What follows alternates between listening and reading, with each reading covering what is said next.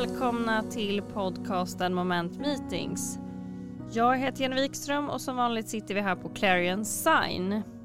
Och idag har jag med mig en väldigt spännande gäst som heter Magnus Bremer och han är mångårig strategisk rådgivare inom flera internationella bolag och koncerner som exempel Ogilvy Group Worldwide, Inter-Ikea Group och Diary Farm Group.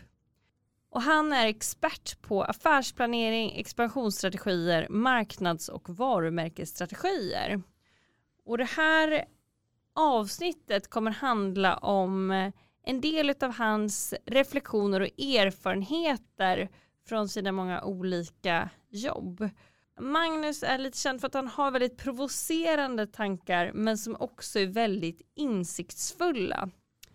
Så idag ska vi prata om bland annat eh, detaljhandelns utmaningar. Vad har egentligen hänt med affärsplaneringen i dagens företag och vad håller egentligen styrelserna på med? Det och mycket mer ska vi djupdyka i idag. Så det kommer ett väldigt spännande avsnitt. Så varmt välkommen Magnus, jättespännande att ha dig här. Tack så mycket Jenny, det är verkligen kul att få vara med.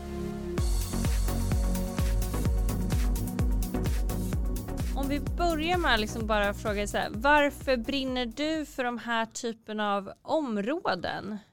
Ja, det är en bra fråga. Eh, man kan väl säga att eh, jag egentligen eh, började min karriär med att eh, jobba parallellt med gymnasiet eh, inom träindustrin och kalkylera i industrin i olika tillverkningsprocesser och materialåtgång och sådana här saker.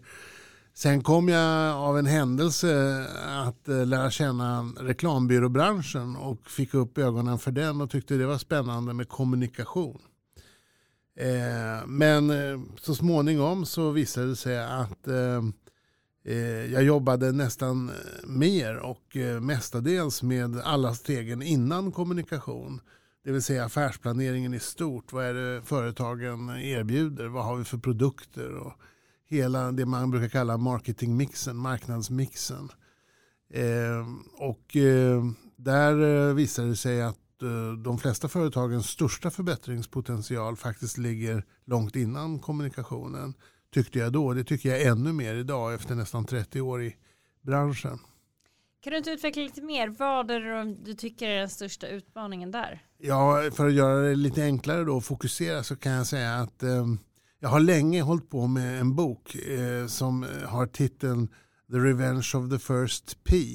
Alltså det fanns en, eller finns en professor, Philip Kotler, som slog igenom någon gång på 60-talet redan i USA. Eh, som började prata om de fyra P som alla känner igen som har pluggat marketing eller ekonomi. Eh, som står för produkten, priset, platsen och påverkan. Sen har det kommit till en massa P allt eftersom genom åren. Eh, jag brukar nöja mig med det femte P, eh, people, som tillägg. Jag tror att han var uppe i nio P eller någonting sånt där på slutet, den gode Kotler. Men de sista tycker jag personligen att man kan ignorera. Och vilket av de här P är det du tycker att många har utmaningar med som borde få lite mer fokus? Just det, och det är the first P, produkten product på engelska. Jag tycker att de allra flesta företagen idag eh, totalt eh, negligerar eh, eller bortprioriterar deras egen produkt. Oavsett om det är en fysisk vara eller en tjänst och oavsett nästan vilken bransch det gäller idag så ser vi oerhört lite eh, fokus på produkten. Då kan man säga, men vad pratar jag om nu? Tänk all den tekniska utvecklingen, inte minst inom digitaliseringen och IT och annat sånt. Och det stämmer. De är oerhört duktiga på innovation, men de är snarare undantaget. Om vi tittar på de flesta andra produktområdena idag så, så så går det oerhört eh, långsamt framåt. Medicinsidan är också duktiga på forskning. Kan du ge exempel där det gått långsamt? Ja, men jag jobbar mycket med detaljhandel och detaljhandeln är ju ett jättebra exempel. Eh, var, när såg vi senast de riktigt stora stegen inom detaljhandel? Eh, går vi långt tillbaka så hade vi handelsbodar med en eller ett par personer bakom en hög disk dit man gick och sen så fick man stå framför disken och peka ut vad man ville ha mm. och handelsmännen plockade ihop det här i påsar, Du betalade och sen så gick du därifrån. Sen så hände det gradvis en hel del då med öppna butiker, mer eh, bredare sortiment, eh, olika typer av servicer och annat. Men eh, ja, inte minst Ikea med sina platta paket och ta självlager och sådana här saker. Va? Men eh, sen då så kommer onlinehandeln och då, eh, då verkar det som att den traditionella detaljhandeln står och famlar lite grann nu. Vad, hur ska vi hantera det här? Ska det vara både och eller ska alla ställa om helt till online? Eller, utan att egentligen eh, börja utifrån kunden. Eh, det här viktiga utifrån och in perspektivet som jag ofta pratar om. Som är så svårt att behålla. Eh, utan de flesta företagen faller in i det här är vi och det här är vad vi har och nu ska vi gå ut och försöka sälja det så mycket som möjligt till alla som vill och även de andra. Så du menar på mer att man behöver ta ett ännu mer kundcentrerat Absolut. Man, man, man, behöver titta utifrån och in och fråga sig hela tiden vad är behagligast för kunderna. Och det är klart att eh, det finns vissa segment som ju har väntat på effektiv eh, och, och, och säker onlinehandel i många år och tycker att det är det bästa som har kommit sen skivat bröd. Va? Och, och det är inget konstigt med det. Men det är också så att eh, det finns enorma möjligheter nu för traditionell detaljhandel att flytta fram positionerna om man bara återgår till produkten, det här första P som vi var inne på. Har du några konkreta exempel vad man skulle kunna göra? Ja, alltså jag tror ju att eh, några reflektioner som man kan göra direkt är att när den här förändringen nu händer på marknaden. Det första många gör det är ju i den traditionella detaljhandeln det är ju att skära ner på alla de delarna som egentligen är deras enda kvarstående USP. Alltså unique selling point, den mm. unika konkurrensfördelen. Det vill säga fysisk, det fysiska mötet med kunden, möjligheten att ha en dialog på ett annat sätt än vad du kan ha på, med en chattbot. Va? Eh, möjligheten att läsa av kundens eh, eh, verkliga behov och drömmar. Eh, möjligheten att överleverera i form av service och, och kunskap. Eh, det, det första man gör då på, på den traditionella detaljhandeln det är att man minskar på personalen, man stänger kassor, man allokerar större del av butiksytan till eh, online eh, plockande och förberedelse och sånt. Eh, det är för mig väldigt märkligt. Eh, det naturliga för mig vore ju snarare att man tittar då på vad har vi i den, vad har vi med våra decenniers erfarenhet och position på marknaden. Eh, vad har vi för fördelar som vi kan dra nytta av? Och sen komplettera det med en hypereffektiv och modern online eh, erbjudande vid sidan om. Men istället så försöker man desperat eh, eh, mixa ihop de här och eh, det blir ofta fel. Det blir liksom varken hackat eller malet utan det blir ja. mittemellan i båda dagarna.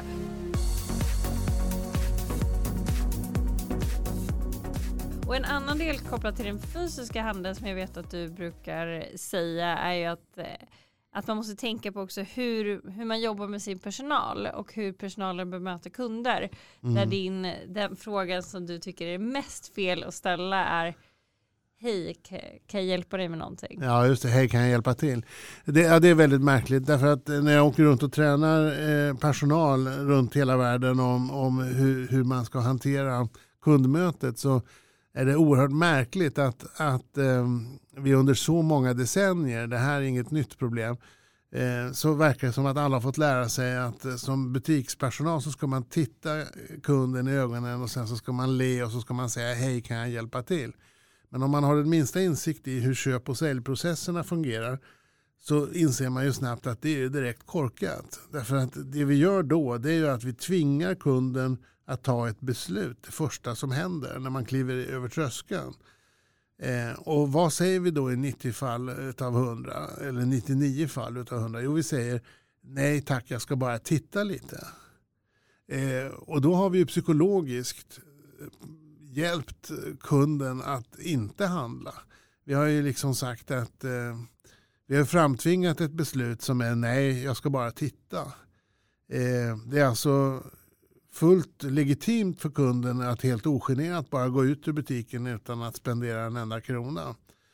Eh, istället Vad ska man göra istället då? Ja, jo, istället så tänk om, om, om alla de här människorna som säger hej kan jag hjälpa till. Om de kunde lära sig säga hej, säg gärna till om du vill ha hjälp. Det är en, kan man tycka är en semantisk eh, liten skillnad men den är otroligt viktig. Därför Vad att, händer då? då? Vad händer mentalt? ja, alltså som kund så kommer jag ju inte svara då nej det tänker jag inte göra. om du säger hej säg gärna till om du vill ha hjälp. Nej det tänker jag inte göra. Så, så säger man ju inte utan instinktivt så ler man lite grann och säger ja ja visst eller tack. Och sen så går jag kanske bort och, och, och browsar butiken lite grann och sen så ser jag någonting som jag är intresserad av och börjar plocka med det eller titta på det. Och då kan ju expediten närma sig. Det handlar inte om att eh, jag förespråkar någon sorts passiv eh, antisäljstrategi här för detaljhandeln. Tvärtom. Men man ska göra det på rätt sätt. Säg inte hej kan jag hjälpa till för då kommer du alltid få svaret nej jag ska bara titta. Eh, säg hej, säg gärna till om du vill ha hjälp och sen väntar du och avvaktar och ser tills mm, vad kunden är intresserad av. Ser du då att kunden står och tittar på kapper då kan man närma sig och så kan man säga hej jag ser att du tittar på kapper. Eh, låt mig visa dig de här senaste grejerna som vi fick in här förra veckan. De har vi inte hunnit få ut i butiken. Då känner sig kunden plötsligt vippad. Eh, Åh, jag ska få ta del av något som ingen annan har sett ännu. Eh, det, och då är man mycket, mycket längre fram i köpprocessen. Medan då i det första exemplet så har du liksom i princip slagit igen dörren i näsan på kunden. Eftersom du har tvingat kunden att säga nej, jag ska inte handla, jag ska bara titta. Det blir väldigt olika mindset där. Med sån liten eh, skillnad i hur man uttrycker sig och hur man agerar också. Jag Absolut. tänker i andra så ger det också mycket mer utrymme för kunden att känna lite frihet att kunna få titta lite själv. Ja, ja, och visst. inte bli så eh, iakttagen direkt. Precis. Sen är ju kunder olika. Och där är ju också då den traditionella fysiska detaljhandeln eh, mycket bättre än onlinehandeln än så länge. När det gäller att eh, verkligen kunna läsa av signaler. Det kan man ju inte göra på nätet på samma sätt. Va? Och I synnerhet inte om du har bytt ut eh, säljpersonalen mot en chattbot. Som då är förprogrammerad och oavsett hur mycket machine learning och artificiell intelligens jag har tryckt in i den så Eh, kommer det dröja ganska lång tid framåt innan den kan ersätta ögonkontakten, eh, det här otvungna flörtandet eller det oväntade mötet som sker mellan människor jämt. Eh, personkemi. Och det är där duktiga säljare som har den här auran omkring sig och som också har förmågan att läsa kunden kan göra en avgörande skillnad.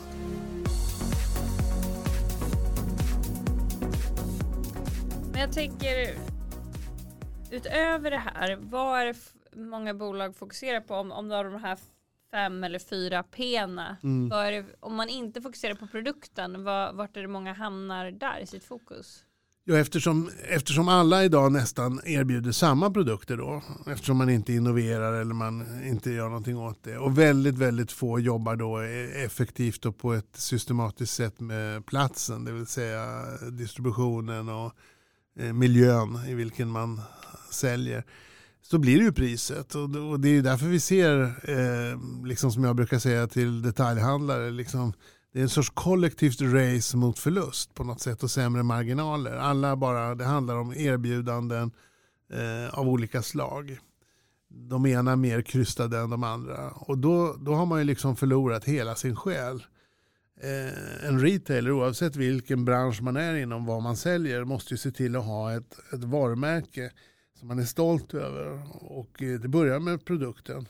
Och produkten är ju både den fysiska varan eller tjänsten och servicen och allt annat som kunden upplever i köptillfället eh, eller konsumtionstillfället.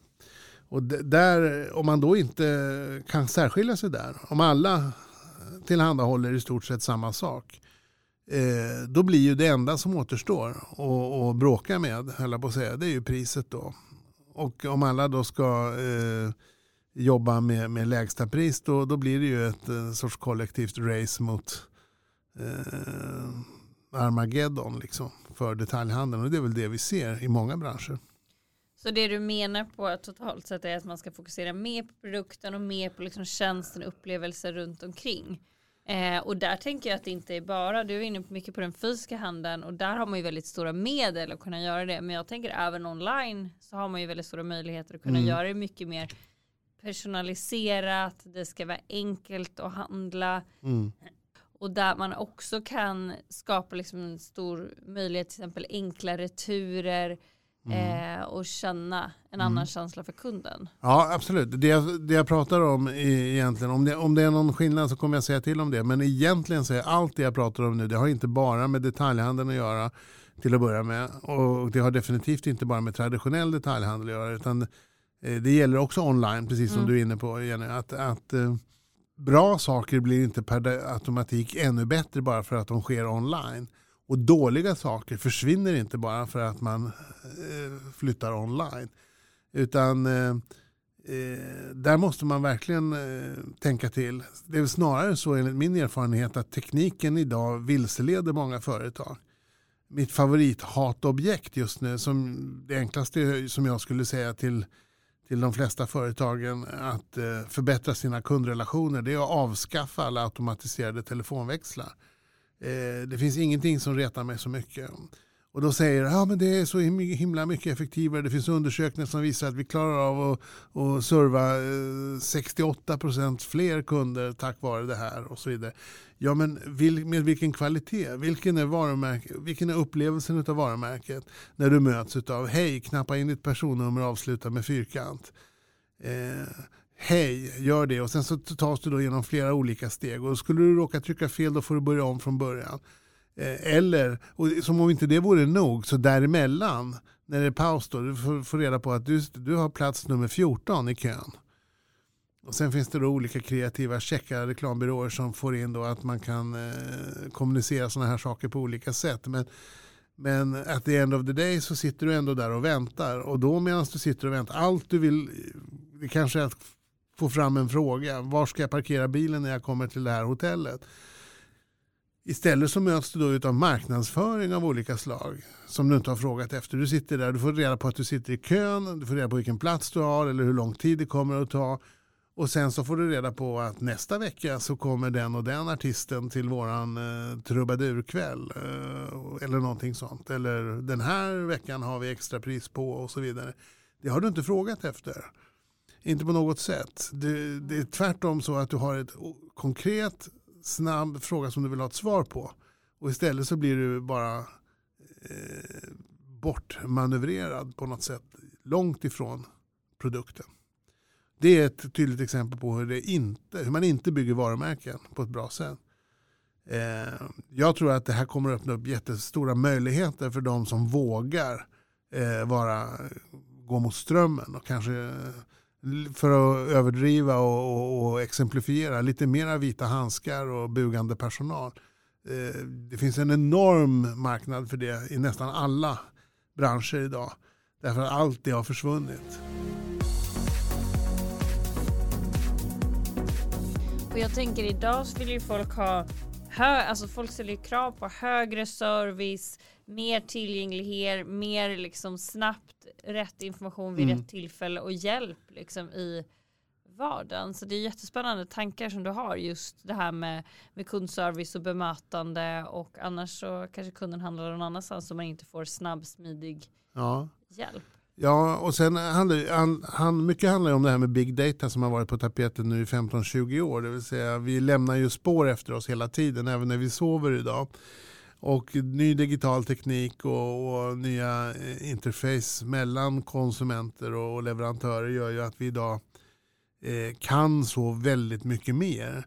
Eh, de skickliga firmorna, de skickliga analytikerna, de kan ju eh, utifrån ett antal Google-sökningar, playlists, eh, eh, kreditkortsnotor eller annat i princip specificera exakt vem du är vilket kön du har, vilken åldersgrupp du är inom, eh, vad du föredrar för frukostflingor, eh, om du äter gröt eller filmjölk på morgonen och så vidare. och Så vidare.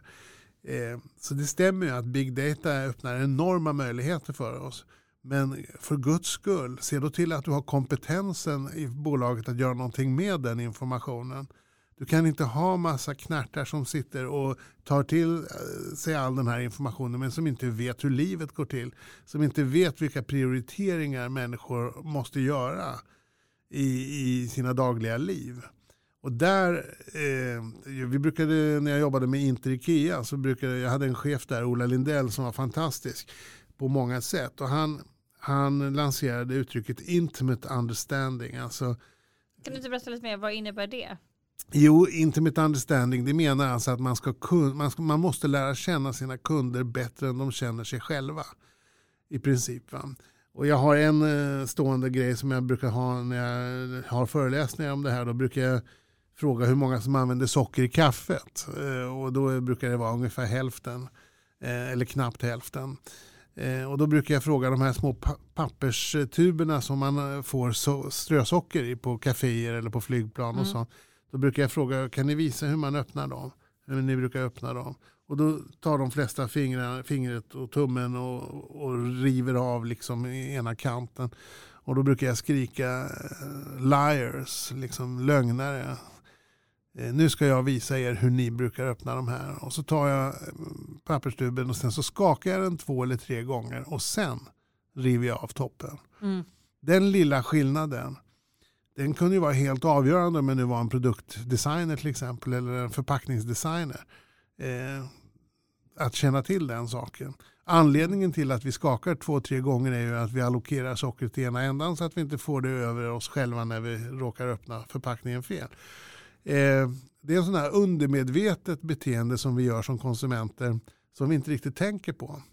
Och den, nu gjorde jag en undersökning, nu frågar jag folk hur gör ni? Och de visade mig, men de ljög. Eller de... Så egentligen handlar det om att förstå kunderna bättre än vad de förstår sig själva? Absolut, precis så.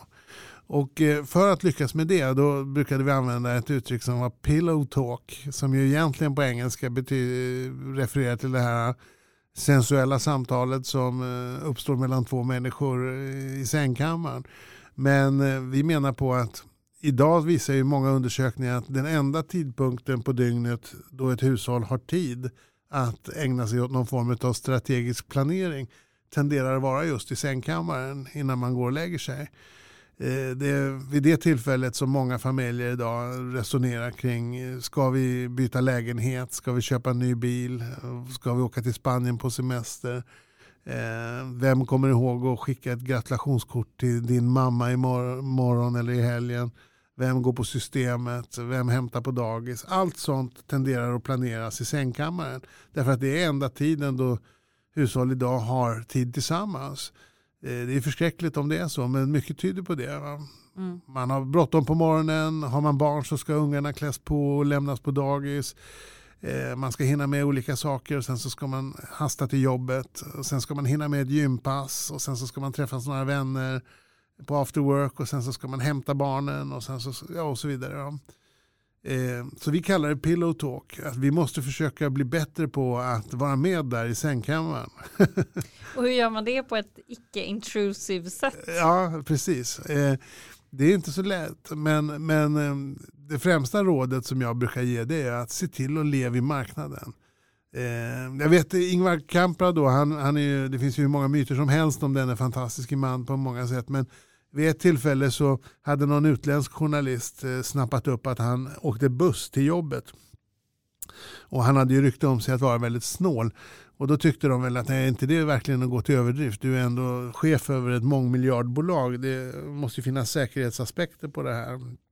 Är det inte höjden av snålhet att ta bussen till kontoret? Och då svarade Ingvar tydligen att eh, vem är det som säger att det är av snålhet? Jag kanske tycker att det finns en poäng i att tillbringa åtminstone 20 minuter om dagen med folket som ska köpa mina produkter. Kanske kan jag lära mig någonting. Det är ju ändå en fantastisk ja, insikt. Det är en otrolig insikt. Va? Och jag tror att det är ett stort problem idag för många eh, branscher. Det är att man man lever i sin egen lilla kokong och ser bara sin egen produkt. Oavsett om man säljer möbler eller tandkräm eller pensionsförsäkringar så lever man i sin egen lilla värld och eh, man tar inte tillräckligt stor del av kundens övriga värld för att förstå var ens egen produkt kommer in. Hur det viktigt tycker jag själv är liksom en av de häftiga grejerna när man jobbar både inom retail och andra branscher när man själv kan kan vara ute och använda produkten som man själv mm. är med och skapar. Att det är då jag tycker att man får full förståelse. När Precis. man får ha ett kundperspektiv och inte bara ja, men, prata med och fråga kunder utan faktiskt få prova på att vara kund. Ja. För det är först då man ser det. Jag vet att det var en, eh, ja, men en kund som jag jobbade med där vi bland annat hade en chaufförsapp eh, och där jag följde med en chaufför och åkte en hel ja. dag.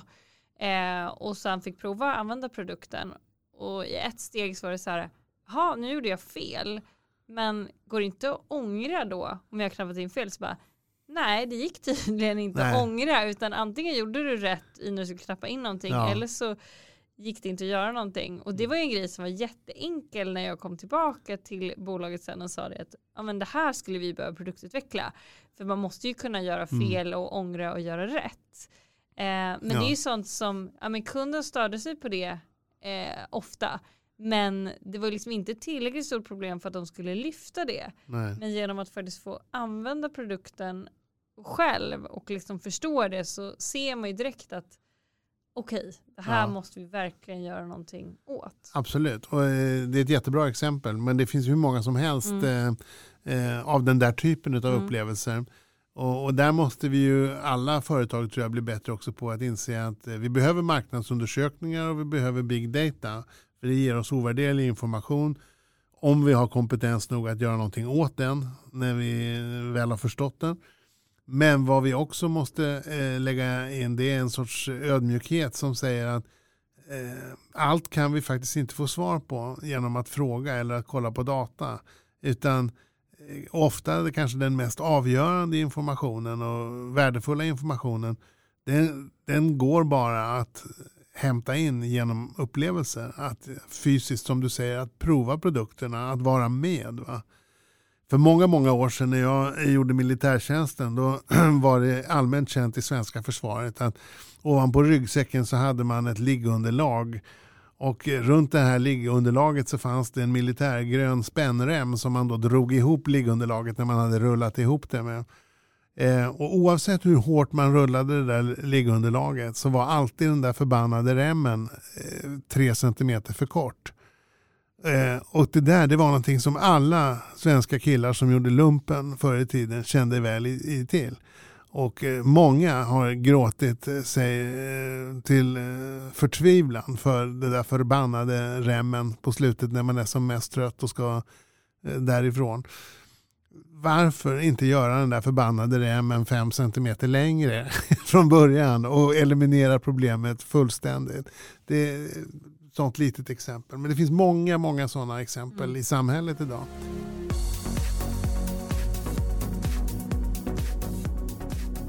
Vi, om vi tittar på ett helt annat område så är det det här med affärsplaneringen och där mm. har ju du lite provocerande sagt så här, men vad har hänt med affärsplaneringen i dagens företag? Mm. Kan du inte berätta lite mer vad du menar? Jo, alltså det är ju inte rocket science på något sätt, men eh, affärsplaneringsprocessen består ju någonstans av fem eh, olika steg. Och det som är viktigt där det är ju till att börja med att inse att det inte är ett eh, det är ju inte en linjär process på det sättet att eh, den börjar från vänster och sen så kommer man fram till ett mål på höger sida utan det är verkligen en process. Och det indikerar, det ordet indikerar att det här är ingenting som har ett slut utan eh, affärsprocessen, planeringsprocessen måste ju vara cirkulär. Eh, det vill säga man börjar klockan 12 och sen så kommer man fram till klockan 12 igen och då går klockan bara vidare. Så man måste förstå att man blir aldrig färdig med affärsplanering och det är ett stort problem tycker jag. Därför att många människor idag, i synnerhet de som är duktigt skolade, de kommer ju från en, en prestationsbaserad eh, tillvaro där man är van att eh, få en uppgift och sen så löser man den och sen är man färdig. Men med affärsplanering i verkligheten så blir man aldrig färdig och det, det kan tyckas eh, som en no-brainer men många gånger så tycker jag man saknar den insikten. Inte minst i ledningsgrupper. Så, och I synnerhet om företaget går bra för då tycker man på något sätt att ja men nu har vi gjort det här och visat att vi kan det och alla är nöjda. Ja, tre år senare så kanske det inte finns. Liksom, ni måste hela tiden inse att eh, det här tar aldrig slut. Att när man kommer till det femte steget som ju ofta då är uppföljning eller utvärdering, då är ju det startpunkten inför nästa eh, cirkeln. cykel, Exakt, ja. precis. Och, eh, men eh, om vi tar de fem stegen, alltså, eh, först och främst situationsanalysen. Var, var är vi idag? Sen efter det mål, långsiktiga och kortsiktiga mål. Var vill vi vara imorgon eller i framtiden?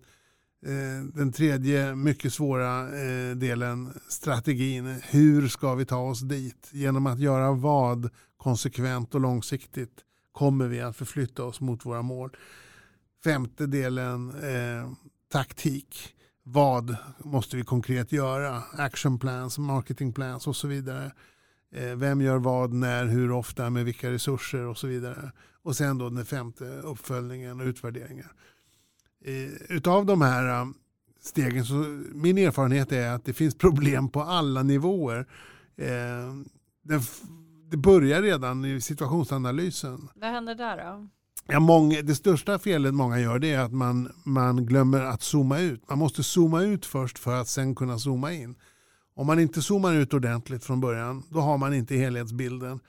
Eh, och det är ett väldigt vanligt problem, framförallt bland etablerade företag och varumärken som har varit med länge. Att man bara kör på i samma hjulspår? Ja, eller man tycker att nu ska, vi, nu ska vi titta på marknaden säger man och sen så zoomar man ut ungefär genom att titta på eh, sin kundlista och leverantörslista och senaste marknadsplanen och sen så undrar man hur ska vi kunna vinna lite mer marknadsandelar i de här olika segmenten. Eh, det vill säga man, man zoomar inte ut och tittar ordentligt på helheten. Kommer den här branschen som vi är inom finnas kvar överhuvudtaget? Eller eh, finns det möjlighet att eh, vi befinner oss i början av en disruption? Eh, Till exempel, inte Mm. minst nu när vi pratar om digitaliseringen och, och inom kort artificiell intelligens, eh, virtual reality, augmented reality och alla de här nya delarna. Eh, man måste våga zooma ut ordentligt för att se var, var finns vi egentligen och kommer vi att finnas kvar om 5-10 år. Man måste våga ta de här långsiktiga eh, perspektiven. Och där finns det en jätteviktig reflektion som jag har gjort och det är ju att idag hör man ofta välutbildade och välmeriterade människor och företag som säger saker som att äh, men det är ingen idé att titta, göra planer för mer än tre år. Det går inte ens att titta ett år framåt i taget därför att utvecklingen går så snabbt. Den tekniska utvecklingen går så snabbt. Vad är det för jävla dumheter, ursäkta språket? Alltså, jag menar, vi fortsätter ju att bygga hus och fastigheter, köpa passagerarfärjor och fraktfartyg, lägga järnvägsrälsar, motorvägar. Det är ju allihopa exempel på projekt och investeringar som har avskrivningstider på minst 30-40 år, kanske 50 år. En fastighet idag står ju förhoppningsvis i närmare 100 år. Eh, det är klart att vi måste klara av att ta ett längre perspektiv. Även om utvecklingen just nu går snabbt framåt. Hur ska vi annars kunna få ihop eh, de här investeringarna på ett rimligt sätt? Exakt, men där tänker jag att det måste vara väldigt olika vilken typ av bransch, vilken typ av produkt man jobbar med. Mm. Eh, men oavsett så, även om man inte kan förutse och det kan hända mycket så kanske man måste jobba mer med scenarioplanering och titta lite mer på vad Ja. skulle kunna hända i den här branschen. Antingen skulle det kunna gå hitåt eller hitåt eller hitåt Mm. och vilket håll hur behöver vi göra beroende på vad som faktiskt händer. Jo, absolut. Men då kan jag säga så här å andra sidan. Om vi, om vi lämnar den kommersiella eh, delen ett ögonblick och går in i, i politiken eller kommuner. Alltså ta då till exempel ehm, eh, kommuner som plötsligt upptäcker att oj, eh, det saknas 114 eh, platser i första klass i våran kommun, i skolorna. Hur är det möjligt? Eh, De här individerna föddes ju sex eller sju år tidigare. Då har man ju ändå haft en ganska eh, lång pre-warning kan jag tycka. Mm. Eh, om att det här borde vi ju känna till. Det här kan ju knappast komma som en fullständig överraskning. Och på motsvarande sätt, liksom då, hur många pensionärer eller blivande pensionärer har vi i kommunen?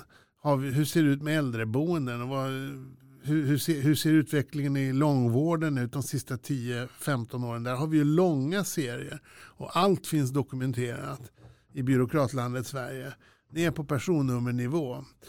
Och ändå så tycks ju kommunerna med mer regelmässigt än undantagsmässigt eh, ställas inför fullständiga överraskningar eh, löpande. Men oj, saknas det 16 000 äldreboenden här i området. Hur har det gått till? Vem tar ansvar för det här? Ja, du till exempel som har suttit där och haft det som arbetsuppgift. Eh, så att det här, jag köper inte det här eh, snacket om att det är omöjligt att eh, vara strategisk eller att göra, jobba med långsiktiga planer idag bara för att eh, någon programmerare i Kalifornien plötsligt eh, kommer på någon smart grej. Det, det håller inte. Det, vi måste klara av att ha både ett långsiktigt perspektiv och ett kortsiktigt doer-perspektiv samtidigt. Och så gäller det väl att hitta en flexibilitet tänker jag i att kunna ställa om och mm. kunna vara snabbrörlig i det. Ja, om, det beror ju, där måste man ju då också ta hänsyn lite till olika branscher. Och Exakt, så vidare. För där finns klart. det ju branscher som, som vars dynamik helt och hållet bygger på anpassning och snabbhet och spontanitet och så vidare. Eh, och det kommer ju gälla även framledes. Eh, men min poäng tror jag är att man måste någonstans eh, eh, klara av att eh, tänka lite längre än bara ett år framåt i taget. Eh, därför att annars så, så eh, tror jag att det är svårt att bygga sustainable business. Och sustainable är ett annat sånt här modeord som helt har kapats av miljörörelsen och klimatdebatten. Men sustainable betyder ju lika mycket att affären ska finnas kvar. Det här, ska ju, här är en produkt eller ett företag som klarar av att leverera mervärden och göra vinst också 10, 20, 30 år framåt i tiden. Om vi tittar på flera av de största svenska företagen, eh, ASEA eller ABB, eh, Atlas Copco, eh, Volvo, många av de här stora industriföretagen, så är det ju företag som har funnits med i decennier. Flera av dem upp mot 100 år eller till och med mer än så. Eh, det är enormt imponerande och det kan jag försäkra att de hade inte varit där de är idag om någon hade suttit på 50-talet och sagt att det är ingen idé att planera framåt därför att eh, utvecklingen går så förbannat fort. Eh, jag är säker på att de planerade tvärtom. De hade, de hade nog väldigt noggranna och detaljerade planer framåt över en längre period. Och mig vetligen har de det fortfarande att bygga ett stridsflygplan idag tar ju 10-20 år eh, innan det överhuvudtaget är uppe och provflyger. Eh, jag menar det, det eh, vi måste skärpa oss. Det är min korta sammanfattning. Vi måste skärpa oss när det gäller strategisk planering.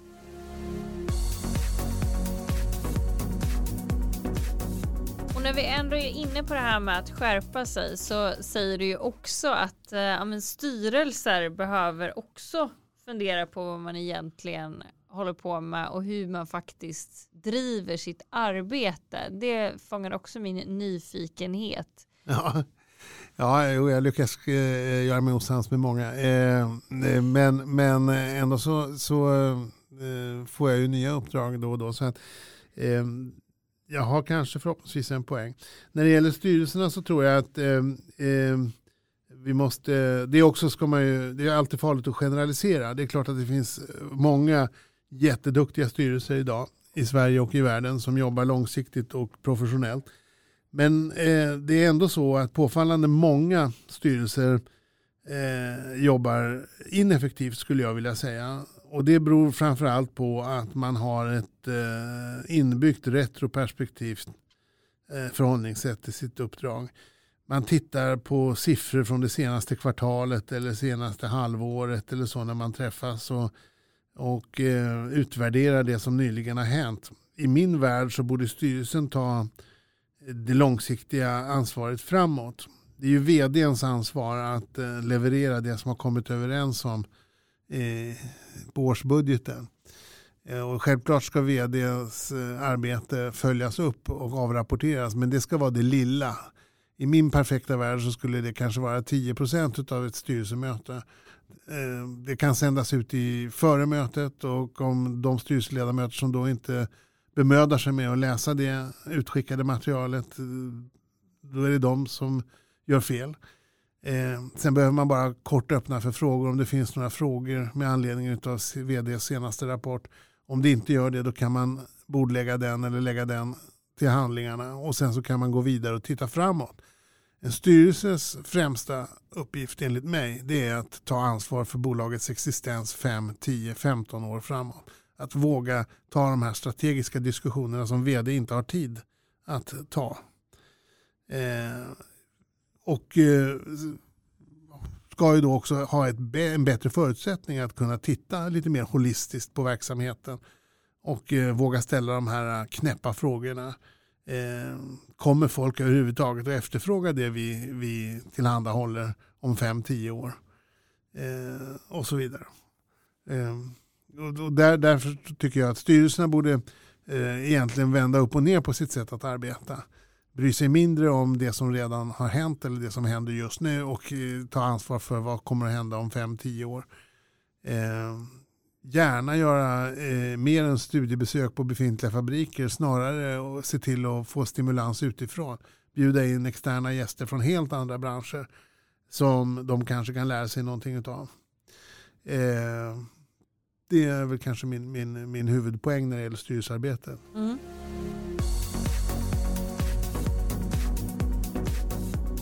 Innan vi avslutar, är det några sista tips som du vill eh, skicka med våra lyssnare där ute? Ja, vad ska det vara? Jag menar, eh, vi lever ju just nu så går vi ju in slutet på 2022 eh, så, så eh, befinner vi oss i en eh, osedvanligt svårläst omvärld. Vi har ju enorma makroutmaningar. Klimatförändringarna och miljödebatten har ju legat eh, med oss egentligen i 20-30 års tid. Och eh, det är väl ett intressant exempel i sig att studera när det gäller det vi har pratat om tidigare idag. Alltså vår oförmåga att eh, ta tag i de här svåra strategiska frågorna. Eh, vi som är så gamla så vi minns oljekrisen 73 när folk började hamstra och man varnade för att oljan skulle vara helt slut på planeten år 2000. Eh, vi kan ju säga att eh, riktigt så blev det ju inte. Vi har ju aldrig haft mer olja än vad vi har idag. Nu har vi andra problem som gör att vi inte vill använda oljan på samma sätt som vi gjorde tidigare.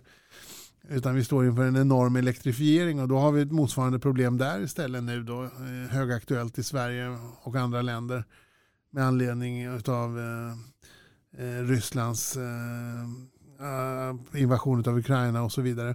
Men det är ju i sanning att säga inte Rysslands fel att vi befinner oss i en energikris generellt. Sen att de spidar på den och ställer till jättemycket problem nu genom sina dumheter. Det, det, är en annan sak. Men vi måste fortfarande lösa energiförsörjningen på ett miljövänligt och bra sätt i hela världen.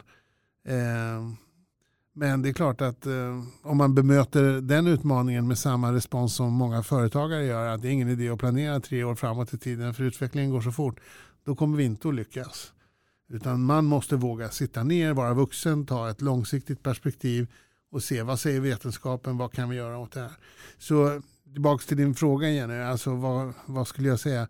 Mitt råd till eh, många inom affärsvärlden eller politiken idag, det tror jag är våga reflektera mer.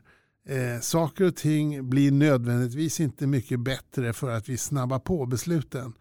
Eh, och då säger man att det händer ingenting och så vidare. Jag, jag är inte så säker på att vi ska vara så otacksamma för det. Därför att våra track record i många frågor just nu visar ju att vi skulle ha tänkt till ett varv till. Eh, så jag tycker generellt sett, försök höj kompetensnivån i organisationerna. Det första man skär på när det blir dyrtider det är utbildning och träning av personal. Eller fel, det är det, det andra man skär på. Det första man skär på det är oftast marketing. Och när man säger marketing då brukar man mena marknadsföring i form av kommunikation. Eh, jag menar ju att marketing är allt. Från produktutveckling till kommunikation. Men eh, eh, våga eh, fråga dig själv, kommer vi att finnas om fem år? Om inte, om vi tror att allting kommer gå åt helvete, då är det ju bättre att lägga ner verksamheten och rädda det som räddas kan. Ta ut pengarna som finns kvar. Men om du tror att du ska vara med om fem år, då måste du tycka att det är värt att sitta ner och göra de här sakerna. Zooma ut, ta ett stort helhetsperspektiv på er verksamhet. Bestäm för, våga dra upp drömmarna. Det är ju drömmarna som för världen framåt. Det är inget snack om den saken.